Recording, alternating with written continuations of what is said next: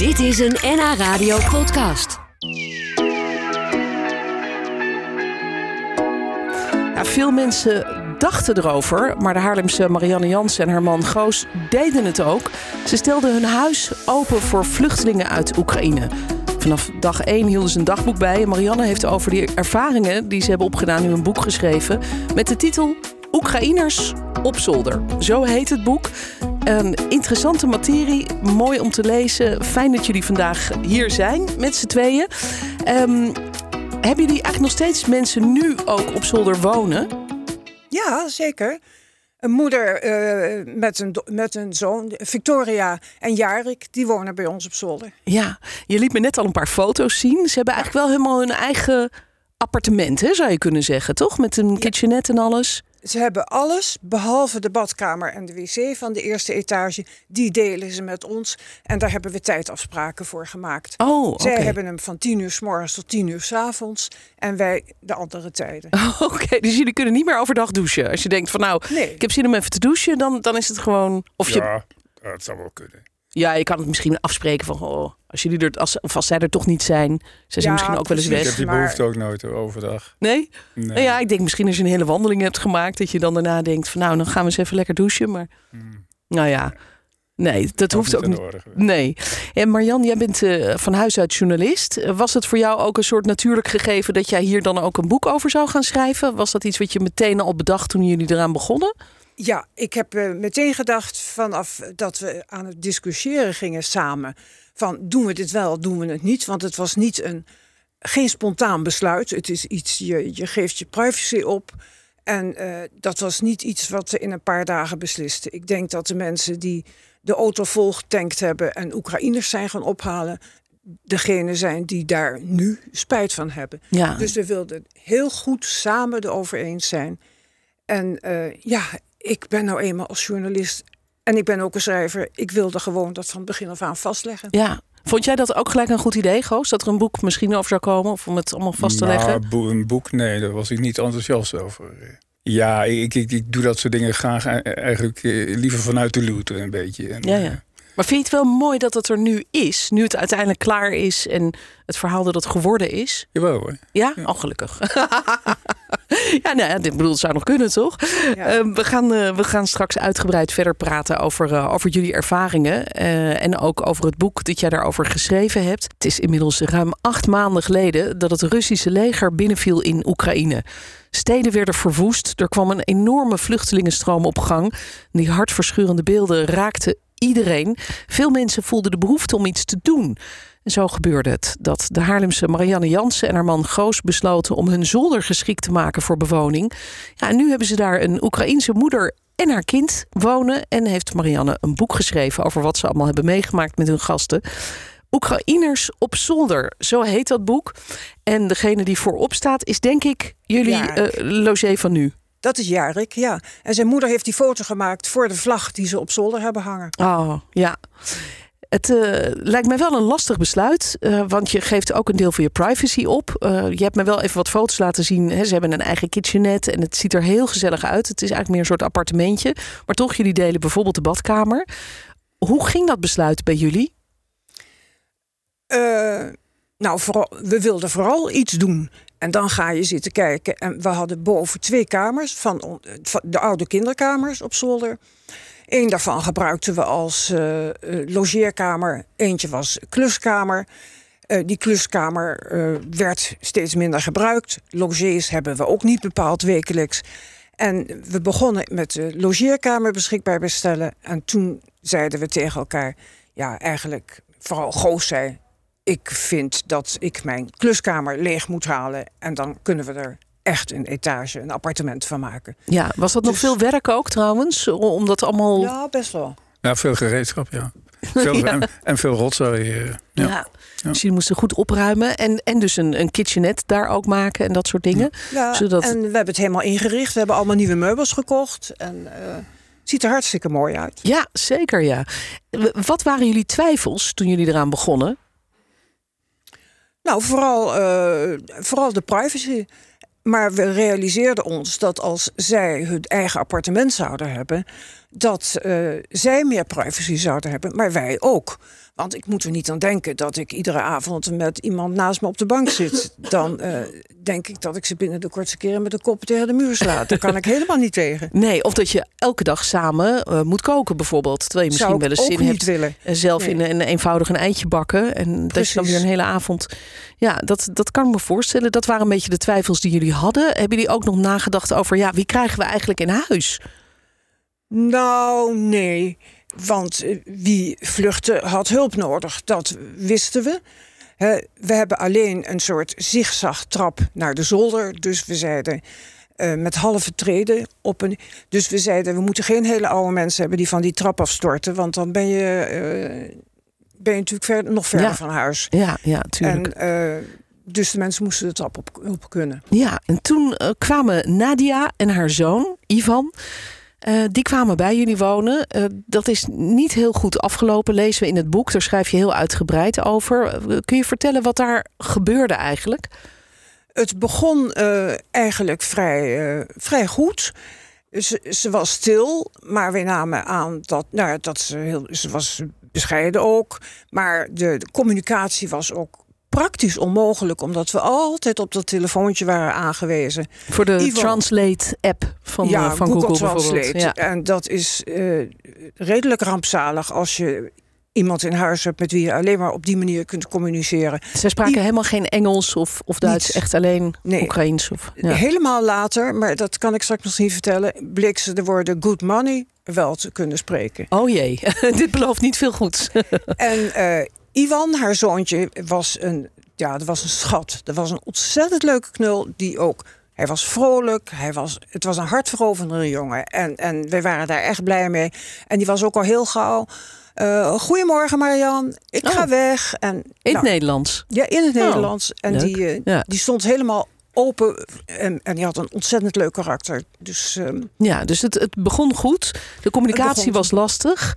Uh, maar uiteindelijk liep het niet zo leuk af. Ze zijn vertrokken. En uh, dat werd, het werd eigenlijk een beetje een deceptie voor jullie. Een teleurstelling ja. en een ontgoocheling, als ik het zo mag zeggen. Ja, zij had uh, van een winkeltje in Haarlem... die kleren gaf voor Oekraïners had ze in de loop der tijd dat ze hier was, had ze een enorme hoeveelheid kleren verzameld. Dat was werkelijk. Toen ze ermee vertrok, waren wij, stonden wij er ook versteld van hoe ze die op zolder had kunnen uh, bewaren. Ik denk dat ze al met al met een grote kist en uh, nou, ik denk wel zo'n 12, 13 weekendtassen vol en een paar koffers. Huh? Allemaal vol met kleren. Die ze allemaal gekregen had eigenlijk. waren, waren allemaal van die kleren die waren ingezameld door, ja, door precies. Haarlemers. En iedere keer als ze in zo'n winkel was, nam ze grote hoeveelheden mee. En uh, ze is dus uh, op een gegeven moment, toen ze uh, teruggingen, toen was gebleken dat ze dus een arbeidsmigrant was, wat voor ons ook geen leuke verrassing was. Toen kreeg ze. Want ze, ze werkte dus eigenlijk al in Nederland. Sinds toen, december. Toen de oorlog uitbrak, zat ze al in Nederland, was ze hier gewoon aan het werk. Dus ze was niet een vluchteling in de zin van nee. het woord dat, dat nee, ze voor de bommen moest. Van wel. Ja, ja. Zij vond van wel. En uh, toen is ze dus, toen kreeg ze een telefoontje dat haar moeder een hartinfarct had, waar ik mijn ernstige vraagtekens bij zet. Dat is niet aardig, maar ik ben ook niet aardig dan. En, uh, want dan denk ik van ja, het kwam je wel heel goed uit nou. Dus toen is ze op een holletje met een busje teruggegaan met, met haar zoontje. En um, ze had extra bagageruimte gehuurd in dat busje, omdat ze zulke enorme hoeveelheden kleding mee terugnam. En toen, toen ik zei van, uh, ga je een winkeltje beginnen? Toen zei ze, good money. Aha. Dat had ze dus allemaal gekregen van welwillende Haarlemmers en alle mensen, weet ik, die kleding kwamen brengen voor vluchtelingen. Wat naar eigenlijk. Dat was buitengewoon naar. En ik was daar dus razend om. Ja. En waar ik het meest boos over was, en dat zeg ik dus nu. Hij had van mijn vriendin Wieke, had Ivan een prachtige fiets gekregen. Daar was hij de koning te rijk mee. Hij had nog nooit een nieuwe fiets gehad. Dus uh, hij zei, Marian, uh, en Wieke had gezegd... de volgende jongen krijgt weer een nieuwe fiets. Hij mag hem meenemen. Dus hij kwam vlak daarvoor. Marian mag mijn wiekenfiets mee. Ja. Zo noemde hij hem. Ja. Maar dat had ik al aan Nadia gevraagd. En Nadia zei: nee, ze had de ruimte nodig voor de bus. Ach. Voor de kleding. Voor de kleding allemaal. Dus ja. ik zei, eh, ga maar aan mama vragen. Want ik denk, dat ga ik niet vertellen, die Nee, boodschap. nee. Nou, en toen hoorde ik hem dus boven roepen en huilen. En stampte de trap af en ging met de fiets weg. De fiets mocht niet mee. Oh, en daar ben ik ja. zo ontzettend kwaad over. Ja. Heb, jij, heb jij nu nog contact met ze eigenlijk? Heb, eh, Wel, spreek nee, je ze ze nog? waren Want- de hoek van de straat om en we hebben nooit meer van ze gehoord. Nou, het is niet waar. eh, Nou, niet, niet helemaal waar. Eh, haar man, er is ook nog een, haar man is eh, Ja. geweest. Die is maar 14 dagen bij ons geweest. En eh, was een aardige peer, vond ik dat. eh. en zij dacht dat hij hier zou blijven. En eh, wij wisten ook niet beter. En ik dacht, god, dan zitten we ook nog met een man. En eh, Ja. wat is dat? Moet hij niet gaan vechten daar? Maar hij was dus eh, gewond geraakt. eh. Het was heel, allemaal heel vage verhalen. Ja, ook dat wij ons zorgen maakten. Hoe moet dat met die trap? Die moeilijke ja, trap. Dat was helemaal geen probleem. maar die kwam eigenlijk alleen maar melden dat hij terugging naar het front. Oh, En dat, eh, dat gaf een enorme spanning onderling tussen die twee. Want hij werkte in Duitsland, hè? ook als gastarbeider. En zij wilde dat niet en hij wilde dat wel. En ik ben nog met hem eh, erop uitgegaan voor eh, hoe heet het, gever- gevechtskleding bij die, uit, die Bij militaire ja. dumpwinkels in. Eemuiden Ja. en Amsterdam. En van hem heb ik, krijg ik af en toe nog wel eens een, een e-mailtje dat hij voor een tank staat. En dan staat hij breed grijnzend. En Zo. eh, dan Ja. schrijf ik terug van eh, zet hem op en, Ja. eh, en, en wees voorzichtig eh, vooral. Van hem, wat voor is die wel aardig. 14 dagen, Ja. laat dus wel wat horen. Nou, d- dit, dit verhaal is, is. Je hebt het heel uitgebreid beschreven in je boek. We, we be- bespreken het nu in de notendop. Want ik wil zo natuurlijk ook horen hoe het nu gaat. Want jullie hebben je, eh, je wonden gelikt. En daarna gezegd: we willen toch verder met die opvang. We hebben bovendien, eh, Nadia was een werkster en daar verdiende ze er geld mee. En ze liet een smerige zolder achter. Ook We nog. zijn een paar uur bezig geweest met eh schoonmaken van de rotzooi die zij had achtergelaten. En daar baalde ik ook ontzettend van. Nou, dat kan ik me voorstellen. Het was hoe? het was gaat eh, geen succes, deze dame. Nee, maar gelukkig hebben Gelukkig jullie. hadden we eh, wel Ivan erbij. En daar kijken we heel leuk op terug. Ja, en gelukkig kregen jullie daarna een, ook weer een moeder en een zoon in huis... waar het wel heel goed mee gaat. Ja. Daar gaan we zo uitgebreid over verder praten. Ik praat nog even verder met Marianne Jansen en haar man Goos uit Haarlem. Zij verbouwden hun zolder om die geschikt te maken voor de opvang van Oekraïnse vluchtelingen. Eerst kregen ze Nadia en haar zoon eh, in huis. Dat liep niet zo goed af. We krijgen vragen van luisteraars van... Hey, hoe kan dat? Via welke organisatie was dat? Maar het is misschien goed om te zeggen... dit was via via. Dus via vrienden eh, zijn die bij jullie in huis gekomen. Dat ging dus niet goed. Maar toen zij waren vertrokken... hebben jullie er niet laten ontmoedigen. Jullie zijn opnieuw eh, ja, eh, eh, een, een, een gastgezin ruimte gaan bieden bij jullie in huis op zolder. Victoria en Jarik.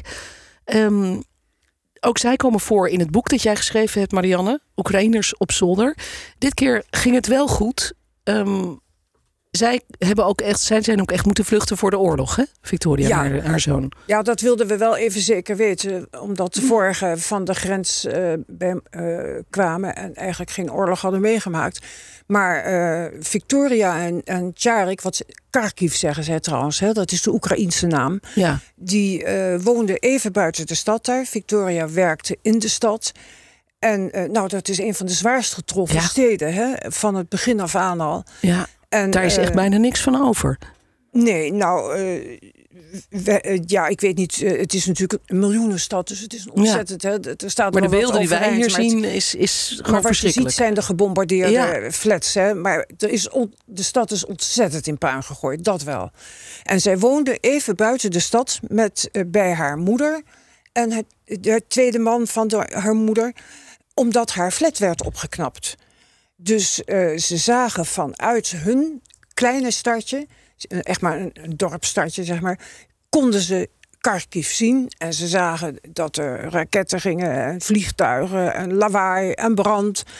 En eh, Jarik was ongelooflijk bang. En die, die eh, was zo ontzettend bang dat eh, Victoria de laatste paar weken dat ze bij haar moeder was, met hem eh, op de badkamer is gaan slapen, waar ze geen ramen hadden. Dan kon hij de vliegtuigen niet horen en het geluid van de, brand, of de, de branden niet in de verte zien, de rode hemel en zo. Dus toen dacht ze van. Dit kan ik hem niet aandoen. Hij houdt hier iets van over. We Ja. moeten vluchten. Ja. En zij zijn Zelf uiteindelijk. eh, zegt ze, ja. zou ik gebleven zijn, maar voor Jarik ben ik gevlucht. En Ja. ze zijn ze, allebei één rugzak en ze zijn half april naar Nederland gekomen. Ja, en ze zitten nu bij jullie op die zolder, eh, in dat Ja. appartement. Eh, ik kan me wel voorstellen dat het ook wel eens lastig is voor jullie, omdat je weet wat ze hebben meegemaakt. Ze hebben misschien echt wel een, een trauma opgelopen door die oorlog. Hebben jullie daar eh, nog een soort je op voorbereid, of hebben jullie daar begeleiding in, dat je daar rekening mee kunt houden, hoe je daarmee om moet gaan? Nee, we hebben daar geen begeleiding in. En we hebben gewoon de idee dat als ze wil praten, kan ze praten. Dat doet ze ook, maar ze ontmoet ook Oekraïners hier in Nederland. Hè, op de Oekraïnse klas van Jarik en dat soort dingen meer. En eh, ze, ze vertelt wel eens dingen, maar, maar niet dag in, dag uit. En echt niet heel vaak. En ze is gewoon, het is een intelligente vrouw. Eh, ze, ze weet eh, hoe het eraan toe gaat. Ze houdt de politiek dagelijks bij. Eh, je hebt er een abonnement eh, doorgestuurd van. Nou, ik ben geabonneerd eh, op de New York Times en ik Ja, en- stuur alle berichten stuur ik door naar haar die erover gaan. Ah ja. En dat is een hele, hele goede krant wat dat betreft. Hè. Dat, Ja. En, zij, haar Engels is ook dusdanig goed Ja, dat, dat je- ook jullie onderling goed kunnen communiceren. Dat maakt misschien Ja. ook wel een groot verschil met jullie vorige. Uiteraard, Gasten. dat is een, Dat je heel direct met van elkaar dag en nacht. Ja, Maar toen wij hoorden dat wij, eh, toen we de vraag kregen hè, of we nieuwe mensen konden krijgen, toen hebben we ook gezegd, eh, we willen eh, wel graag met ze konden, kunnen communiceren. Dus we Ja. zouden het wel prettig vinden als ze Engels spreekt of Duits of Ja. wat dan ook. Maar dat je in ieder geval kunt praten met elkaar. ja, dat Ja. is de wijze les die jullie geleerd hebben door eh, die eerste mensen die bij jullie in huis zijn geweest. Heel fijn om te horen dat het nu wel heel goed gaat. Eh, we, zouden nog uren kunnen praten, maar helaas eh, laat de tijd dat niet toe. Maar je hebt er gelukkig een mooi boek over geschreven. Dat kunnen mensen allemaal lezen. Oekraïners op zolder, dat is de titel. Ik dank jullie heel hartelijk dat jullie hier waren vandaag, Marianne en Goos. En jullie verhaal hebben verteld. En veel Ik succes. wil nog één, keer, één ding eh, zeggen. Victoria en Jarik kunnen bij ons blijven zolang als ze nodig vinden. Hè? Tot, ze, tot het weer veilig is daar. Dat hebben we ze ook gezegd. Ah, dat is mooi.